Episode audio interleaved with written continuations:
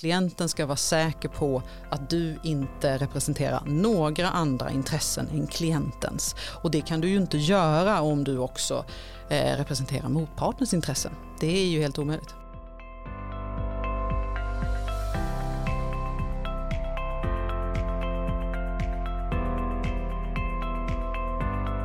Hallå och hjärtligt välkomna till Hajar du. Jag heter Anastasios Partidis. Med mig i studion har jag Ida Hedenberg. Tjenare, tjenare. Äntligen dags för första avsnittet. Ja, ja det känns bra. Tag vi var så taggade förra veckan när vi spelade in trailern ja. så att vi glömde bort att spela in första avsnittet. Det var så kul. Det var otroligt kul. Ja. Nu är vi äntligen här och eh, vi kommer idag att prata om skillnaden mellan eh, en advokat och en jurist. Det stämmer. Finns det någon skillnad? Ja, vi får väl se. Mm, vi får se vad vi kommer mm. fram till. Men först tänkte vi för er lyssnare berätta lite vilka vi är och vilket företag vi jobbar på. Vi jobbar på en advokatbyrå eh, som heter Vessla och Söderqvist, VSA förkortat. Eh, vi finns från Malmö i söder till Umeå i norr. Vi är eh, en bit över 100 medarbetare totalt. Jag vågar inte säga en exakt siffra för jag vet Nej, att det förändras lite. Vi spräckte 100, ja. 100 barriären för ett tag sedan. Ja, mm. precis. Mm. Eh, och vi sitter här i Stockholm. Mm. Vi jobbar som biträdande jurister. Eh, vi har eh, lite olika bakgrund. Ja. Jag har jobbat tidigare som bolagsjurist så att jag har mm. varit på den så kallade köparsidan i konsultvärlden. Ja, så fint. ja. Eh, jag har suttit och fått rapporterna från advokatbyråer och alla långa redogörelser och allt det man betalar för för att känna trygghet. För. Just det. Mm. som vi kanske kommer komma in på senare. Det var en liten cliffhanger ja, jag kastade ur mig ja, tror jag. Och Ida, vad har du för bakgrund? Ja, jag har egentligen varit på byrå hela tiden sedan jag eh, tog juristexamen. Sen jobbade jag först på en byrå som hade lite, tog lite brottmål och lite mer humanjuridik. Men sen har jag varit här nu i ungefär fem år och då har det varit huvudsakligen processrätt får man säga. Och eh, vi har ju sagt att podden heter Hajar då, då tänker jag när du säger humanjuridik, det kan ju vara några som inte riktigt vet vad nej, det är.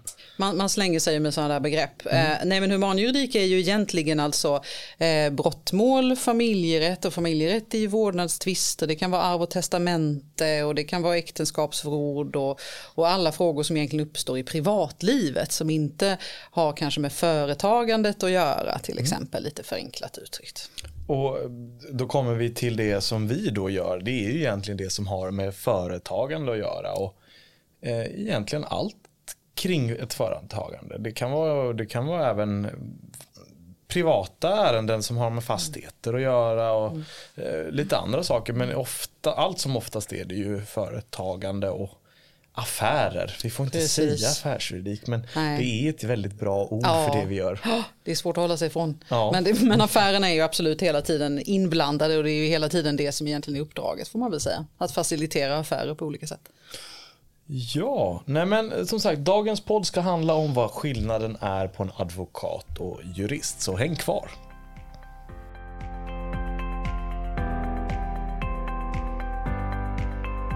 Till dagens tema.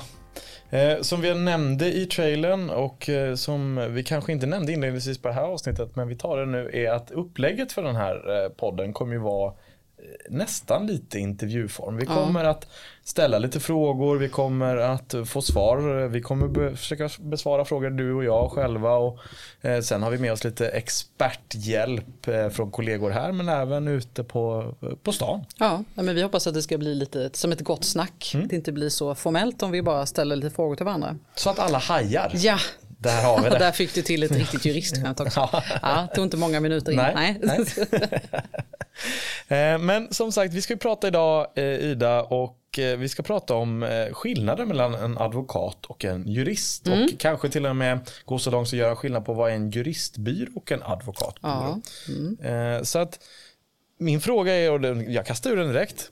Vad är det för skillnad på en advokat och jurist? Vad är en advokat för något? Ja, om man ska börja lite formellt får man väl ändå säga då att en advokat har ju då tagit en juristexamen, en så kallad jur, juristkandidatexamen.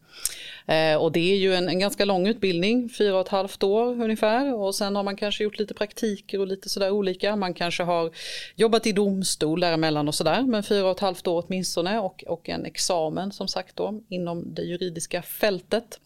Eh, sen är det också så då att en advokat, det blir man liksom inte direkt utan då får man jobba på en advokatbyrå ett antal år. Man ska ha praktisk, er, praktisk erfarenhet från yrket. Eh, och man ska också genomgå ett antal utbildningar för att bli advokat. Bland annat handlar om de regler som gäller för en advokat. Eh, men också mycket som handlar om hur man ska agera mot en motpart och mot sin klient. Och det, det, det är mycket man lär sig där.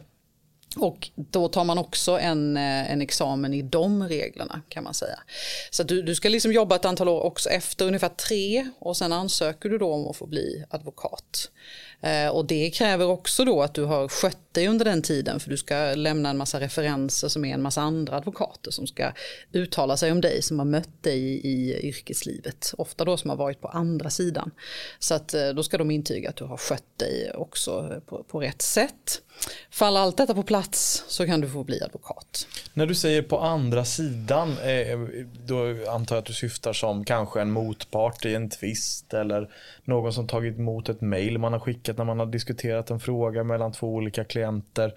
Ehm, jag satt och funderade på de här reglerna som, eh, som eh, advokater måste leva upp till. Finns det någonting som du tycker är viktigt att lyfta fram i, i just advokatyrket? Ja, alltså det som är, skulle jag säga, definierar advokaten är ju egentligen att allting som advokaten säger och gör i sin yrkesroll ska advokat, advokaten göra bara för klientens bästa. Det ska vara klientens bästa som advokaten har som mål och syfte med sin hela verksamhet. Och det är ett väldigt långtgående ansvar. Eh, och det är ju väldigt, på så sätt väldigt speciellt att anlita en advokat för att du har någon som är helt och hållet på din sida. Och det är, den, det är personens enda uppgift egentligen. Att tillvarata ditt bästa. Kan man säga. Det, det ser man ju ganska ofta när man säger att man jobbar på advokatbyrå och får man oftast frågan Jaha, jobbar ni med brottmål? Och brottmålsadvokater är väl de som är eh, otroligt duktiga på att eh, se till sin klients bästa i, i, i det tydligaste formen tror jag för gemene man.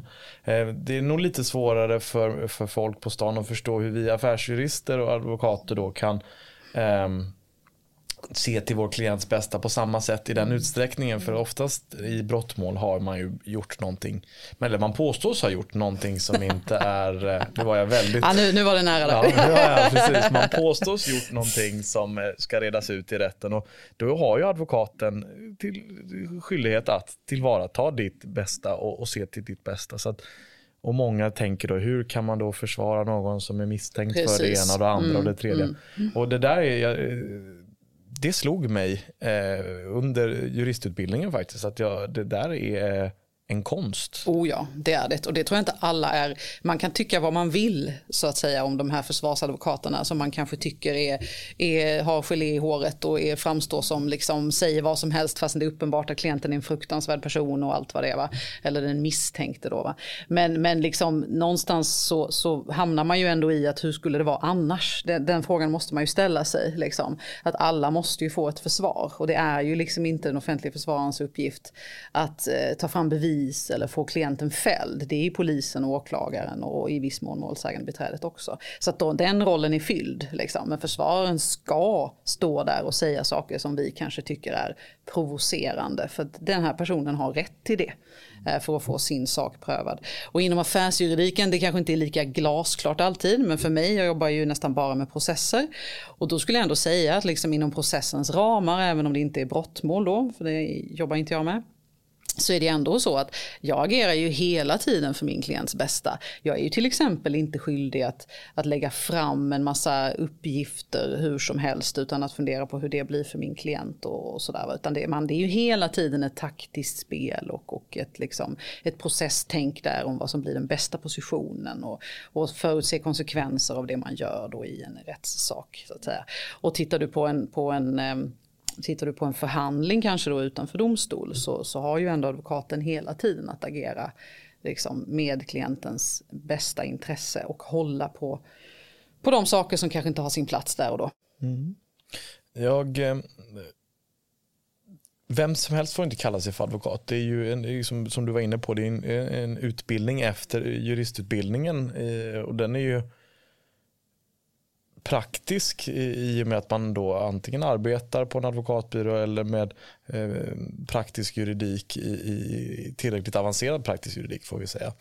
Um, och där tror jag eh, många inte riktigt eh, förstår att det är en ganska hög tröskel att ta sig över för att komma in i advokatsamfundet som det då kallas. Att bli en ledamot av advokatsamfundet. Um, jag själv sitter nu med utbildningsmaterialet. Det är eh, omfattande. Det är mycket, eh, mycket studier utöver arbetstiden. Så ja. det, kräver, det kräver en ganska stor insats för mm. att bli advokat. Och det är, mm. är väl en titel skyddad i lag. Oh ja.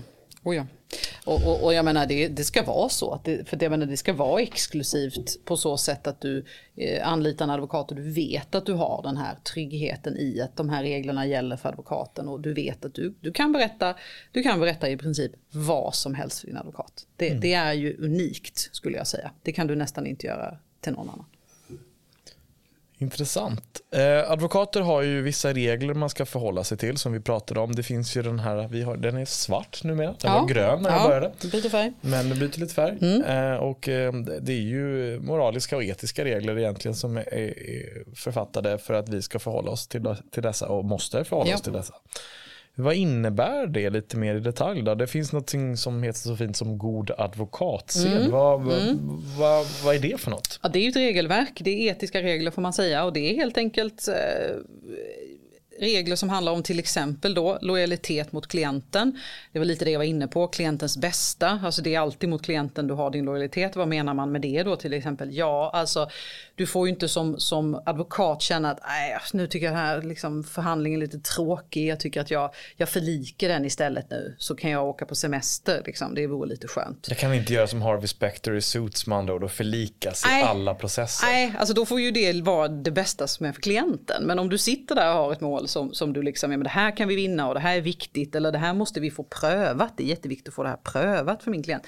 Då kan jag ju inte bara liksom, nej men nu hittar vi på en halvtaskig förlikning här och så, så struntar vi i det här. va, Utan lojalitet mot klienten hela tiden till den gränsen skulle jag säga. Alltså den yttersta gränsen är ju att man bryter mot advokatsamfundets regler. Det är ju så långt advokaten ska gå i sin lojalitet mot klienten.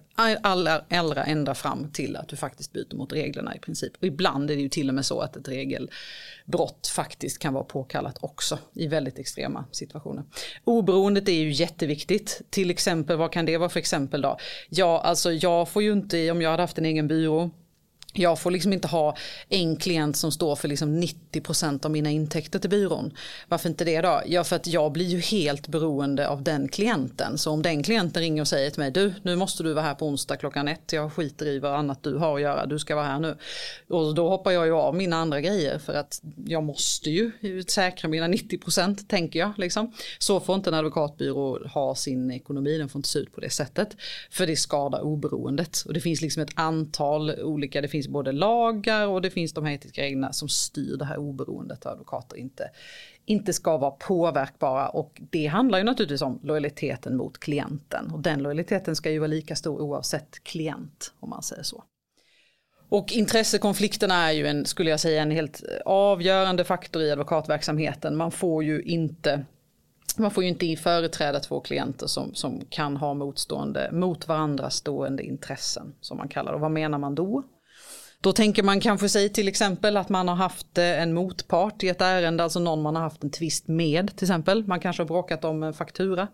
Och då får ju inte plötsligt advokaten veckan efter ha tagit den här, eh, den som man hade den här tvisten med då mot.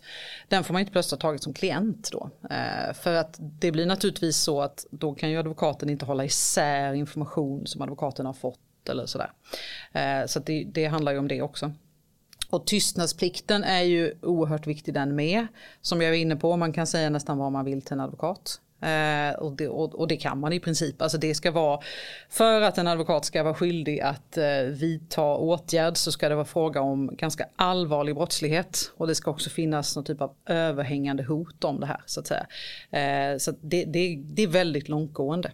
Och tystnadsplikten är otroligt sträng. Du får i princip inte, du och jag får inte sitta här till exempel och, och berätta, brodera om ärenden som vi har där vi byter ut namnen eller sådär. Det får vi inte. För att det, det är så långt går den här tystnadsplikten.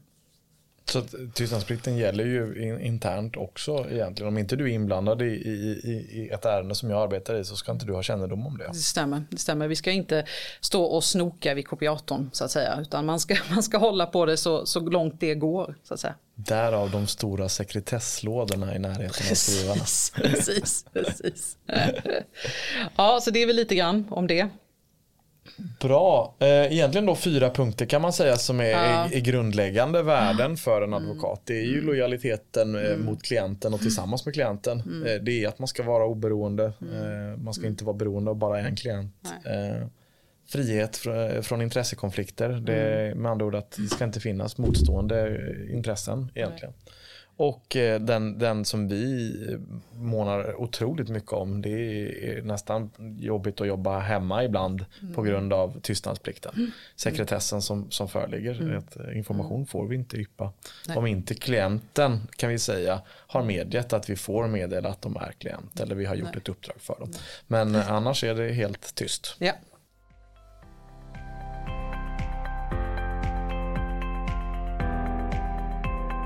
Om en advokat nu då ska leva upp till alla de här uh, fyra punkterna som vi gick igenom här mm. för en liten stund sedan. Hur, hur fungerar det i, i, i förhållandet till advokatsamfundet till exempel? Att en advokat har en skyldighet att leva upp till det här och, och vi, den, den skyldigheten ligger ju på oss själva att leva upp till.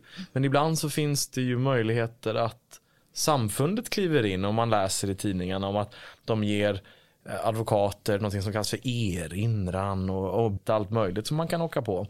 Vad, vad, innebär det egentligen den här tillsynen kan vi kalla det för? Mm, mm. Eh, för advokater? Jo men det är ju som du säger, det är advokatsamfundet som, som eh, utövar tillsynen över advokater och det kan man ju först fråga sig varför är det så då? Ja då kommer man tillbaka till det här oberoendet som är så viktigt.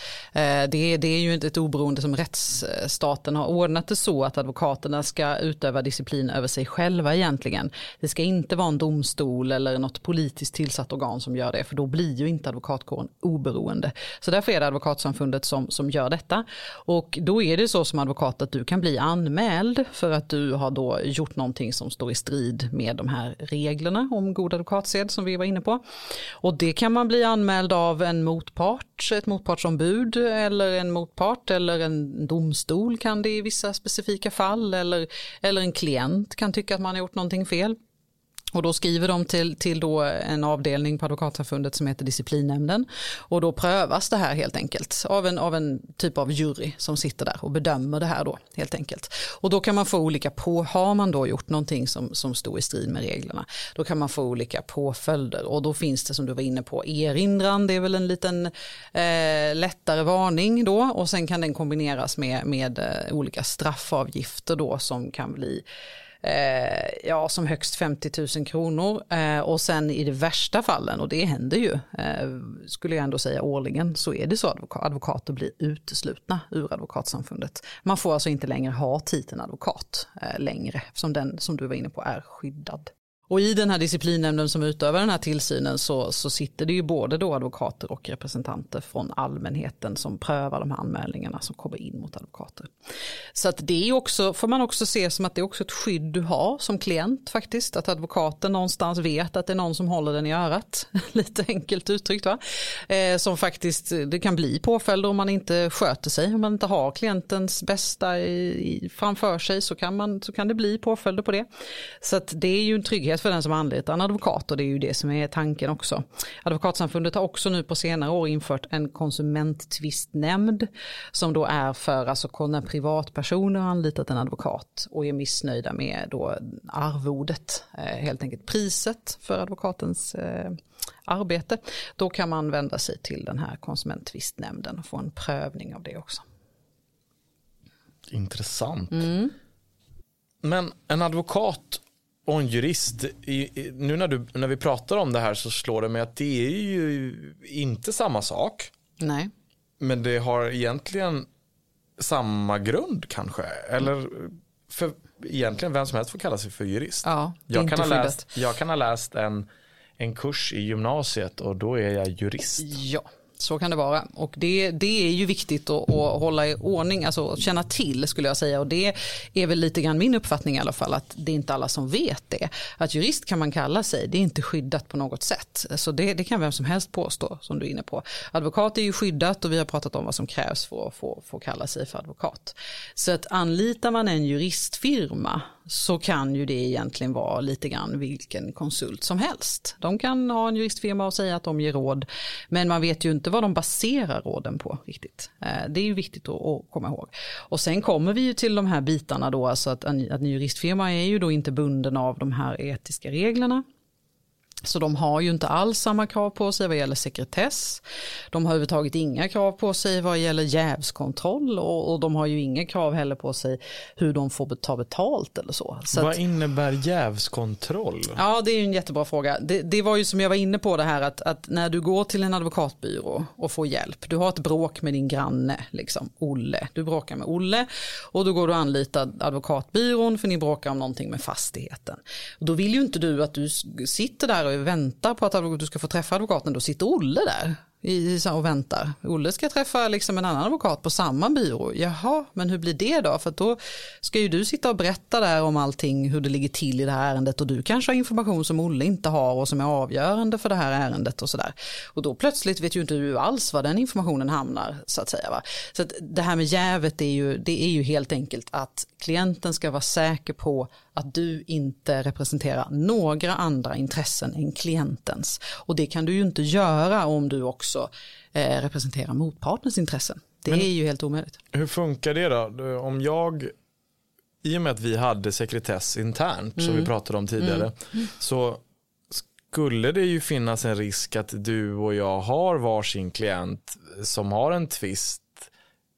Men hur undviker vi det egentligen på advokatbyrån?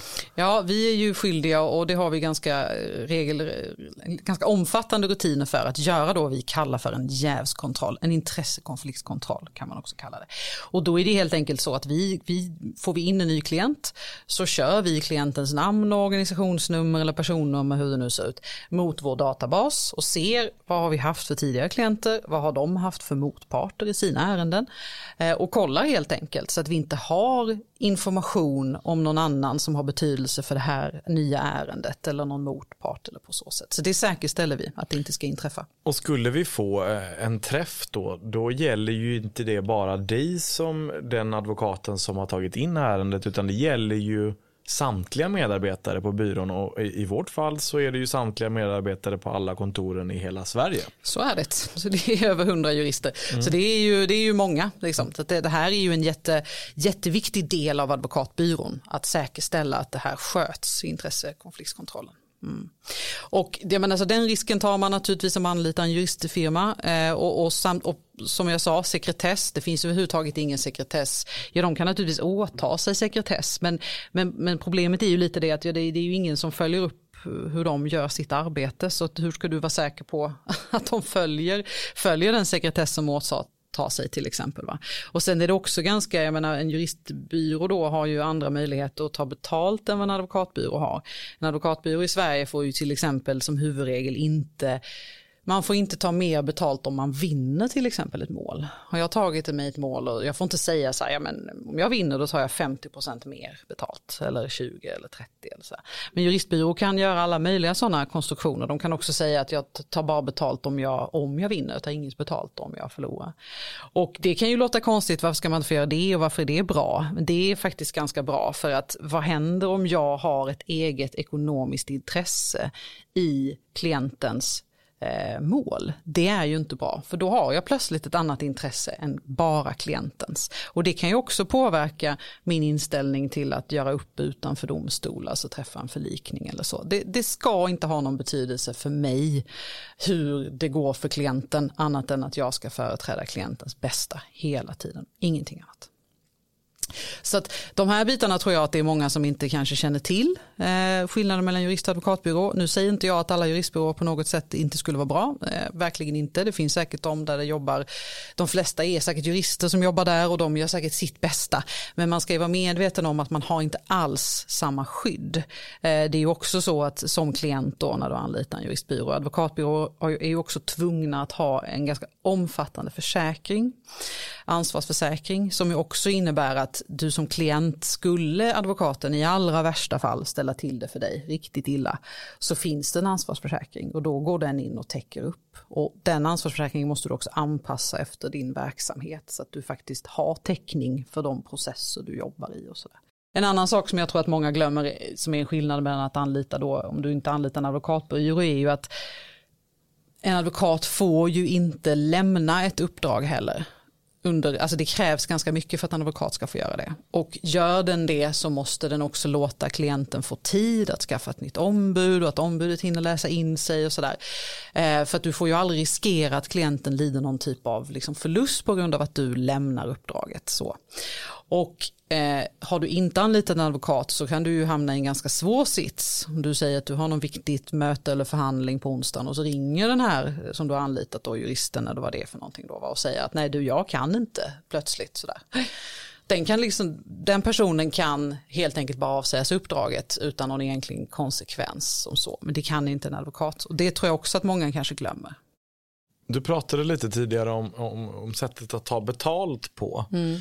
Um, finns det någonting för, för advokater hur man ska bedöma? För allt som oftast så får man höra att advokater det är så dyrt. Oj, oj, oj vad mycket betalt ni tar och det är så dyrt och det kostar så mycket. Hur, där skiljer det sig ganska mycket mellan en, en juristfirma och en advokatbyrå i hur man tar betalt. Vad, eh, skulle du kunna säga någonting om det kanske? Hur, det, hur, hur ser det ut när en advokatbyrå tar betalt? Mm. Ja, dels är det ju så att en advokatbyrå då ska ju egentligen ta betalt vad som är skäligt för det arbete som är utfört. Och det, det kan ju låta väldigt sådär eh, konstigt språk. Vad, vad, menar man med det? Ja, det låter lite diffust. Ja, det gör det. va. Mm. Jag förstår det. Och jag skulle vilja säga så att en bättre förklaring är kanske att man ska ta betalt då ungefär vad det är värt för klienten helt enkelt. Att få till exempel någonting prövat i domstol eller till exempel ett avtal upprättat och sådär. Eh, så att det är ju inte, det finns liksom inget fast timpris som man kan peka på och säga att det är det här det ska kosta. Och jag skulle säga att jag tycker inte att det är lämpligt släppa sig heller för att det är ett väldigt komplicerat uppdrag och precis som vi har varit inne lite på det ställs mycket krav på advokater och så ska det vara. Och det ska också vara så att anlitar du en advokat så vet du att du har alla de här fördelarna. Och det är klart att det också dels kostar men det är ju också så att kompetens kostar skulle jag säga. Men där tänker jag om, om man då tar eh, brottsmålsadvokater, det, där har vi ju faktiskt ett fastslaget timpris. Det, det, måste vi ju ändå nämna, tänker jag, i och med att vi nu pratar vi om skillnader mellan advokater och jurister. Och för brottsmålsadvokater så finns det en fastslagen taxa som fastställs varje år, va? om jag inte missminner mig. Det stämmer. Eh, och där tror jag många har eh, i, i, i nyheterna eh, på sistone sett olika advokater, oj vad mycket betalt de har tagit och de, hur har de kommit upp i så många timmar och så vidare. Och där tror jag det är viktigt att förklara att advokaten som Ida är inne på, trots att det finns en fastslagen timtaxa så kommer ju deras tid baseras på skälighet också. Vad som det, den tiden och erfarenheten och kunskapen de har vägs in i den tiden de har lagt ner. Har man gjort ett, ett liknande ärende flera gånger då tar det inte lika lång tid som att sätta sig in i ett helt nytt ärende. Helt så, att, så där, där tror jag det är viktigt att, att, att förklara för då kommer någon annars säga ah, nej men ajabaja, det finns visst en fastslagen timtaxa. Men den kan vi ju säga, den finns ju inte för affärsjuridiska nej, byråer. Nej, nej. Eh, advokatbyråer som inte jobbar med brottmål kanske vi ska säga. Mm, mm. Eh, utan där är det en värdering i vad som är skäligt och vad mm. som är då skäligt är då vad anses det vara värt för mm. klienten. Mm. För återigen är vi tillbaka till den här grundpelaren för klientens bästa. Ja. Och där väger vi ju även in arvodet. Ja, Nej, men det är som du är inne på, det, det är en, det är en jätte, jättebra förtydligande. Om jag sitter och skriver ett avtal när jag är precis tar ett examen och är helt ny och färsk, det kanske tar mig, kanske tar mig 20 timmar att skriva det avtalet. Det betyder liksom inte att klienten ska betala för 20 timmar, därför är timmar inte ett bra sätt att mäta vad det ska kosta, utan det ska kosta vad det är värt för klienten egentligen och vad, vad, vad som är rimligt att ta för ett sånt avtal på marknaden någonstans. Men, men ytterst vad det är värt för klienten att få det här arbetet utfört så att säga. En, en erfaren advokat skulle ju säkert skriva det där på, på kanske en timme då så att säga. Men då kanske man inte bara kan ta betalt för en timme för då skulle man också hamna i en märklig ekvation. Då skulle man få sämre betalt ju mer erfaren man blev. Så, så, så funkar det liksom inte heller. Eh, men du har helt rätt i det, brottmålsadvokaterna de har ju en helt annan position. De jobbar ju, det är ju staten som betalar för det. Eh, och där har man ju också en timkostnad som liksom rullar hela tiden oavsett. Och så har man en kostnad om man för spilltid och en, alltså det, det är liksom ett helt annat upplägg så att säga. Mm. Um.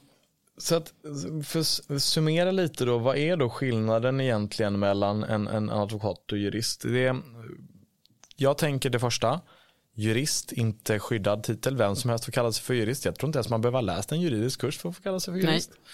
Um, och advokat, en titel skyddad i lag. Det är liksom det, det, formella skillnaden. Sen är det ju då som du var inne på alla de här skillnaderna mellan eh, det, det, finns tryggheter i ansvarsförsäkringar, det finns sekretesser, det finns ett, ett regelverk som styr hur advokaten ska tillgodose klientens bästa. Ja. Och där tror jag många går miste i, eh, eller misstar sig lite i, i, i, den, i den världen, för man fastnar lite på priset. Jag tror att det är allmänt vedertaget och det här är en helt personlig åsikt, att jag tror att många som jag träffar som har träffat en juristbyrå får en chock när de hör vad det kostar att anlita en advokat. Men det är ju just för att man köper en tjänst som är en trygghet också. Att skulle det vara som du var inne på, att advokaten gör bort sig eller det blir ett misstag eller det, det drabbar klienten negativt så finns det en ansvarsförsäkring som täcker upp för det. Det känns ändå som att vi har eh, bearbetat ämnet vad skillnaden är mellan en advokat och jurist och för de som är lite lata som en annan Eh, kanske kan få en, en summering här ja, i slutet som man kan spola visst, fram till. Absolut, slipper man allt jidder liksom. Ja. Det är ju skönt. Jo men alltså det är väl huvudsakligen så, det är skyddad titel av advokat och med det, jag skulle säga så här, med att anlita en advokat så får du ett antal privilegier skulle jag säga, som du inte får om du anlitar en juristbyrå. Du får liksom den här sekretessen som är, den är i princip oantastlig skulle jag säga den sekretessen. Den gäller i alla lägen och den gäller för all framtid faktiskt, mer eller mindre. så att säga. Och du får naturligtvis den här jävsintressekontrollen, eh, att inte advokaten tar, vid, tar, tar någon annans intressen än dina och lojaliteten. Naturligtvis också att, det har vi nog glömt nämna, advokaterna måste vidareutbilda sig hela tiden, så du har liksom en viss kvalitetsnivå som, som ska vara säkerställd genom det. Och du har också givetvis att advokaten är försäkrad ifall nu advokaten skulle göra bort sig. Och du har advokatsamfundet där också som håller advokaterna i, i örat helt enkelt enkelt. Och ingenting av det här får du eh, när du anlitar en juristfirma. Så är det bara.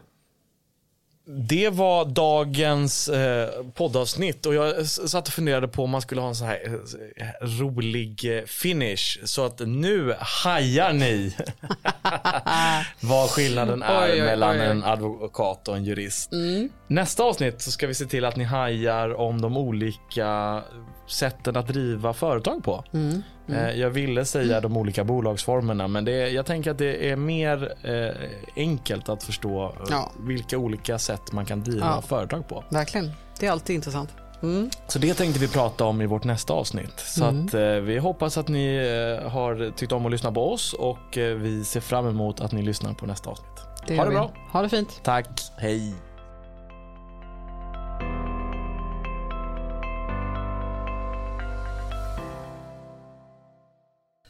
Är vi typ...